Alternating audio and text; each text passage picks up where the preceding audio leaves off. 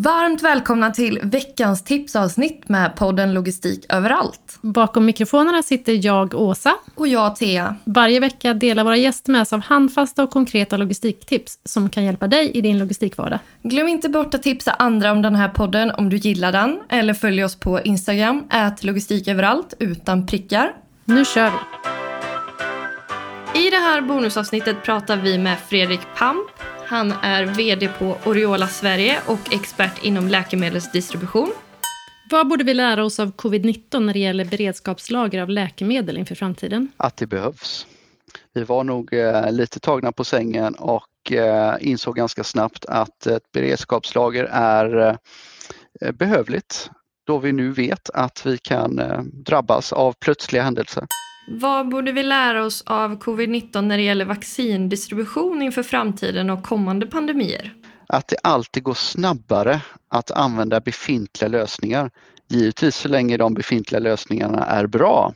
Men då vi är ganska bra på det här med vaccindistribution så påstår vi att det är så. så att jag skulle vilja se ett ökat samarbete mellan eh, branschens aktörer och eh, regionerna. Det tror jag hade varit bra och effektivt. Hur kan regionerna ta kontroll över sin logistik och optimera den på bästa sätt nu när vaccinet för covid-19 ska ut i Sverige? Ja, de är relativt bra på det. Eh, de har sina egna ehm, eh, avdelningar som, är, som givetvis kan logistik.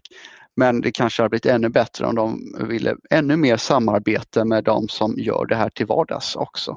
Så att jag helt enkelt sträcker ut en hand och säger samarbete branschaktörer och regioner och landsting och allt vad det heter.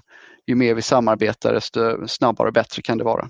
Och om du får skicka med en uppmaning till följande grupper när det gäller vaccinet för covid-19, vad skulle det vara då? Vi börjar med allmänheten. Vaccinera er. Det finns inga skäl till att inte göra det, tycker jag. Så fort det blir din tur, ta möjligheten. Och vad skulle du säga till regionerna? Ring oss.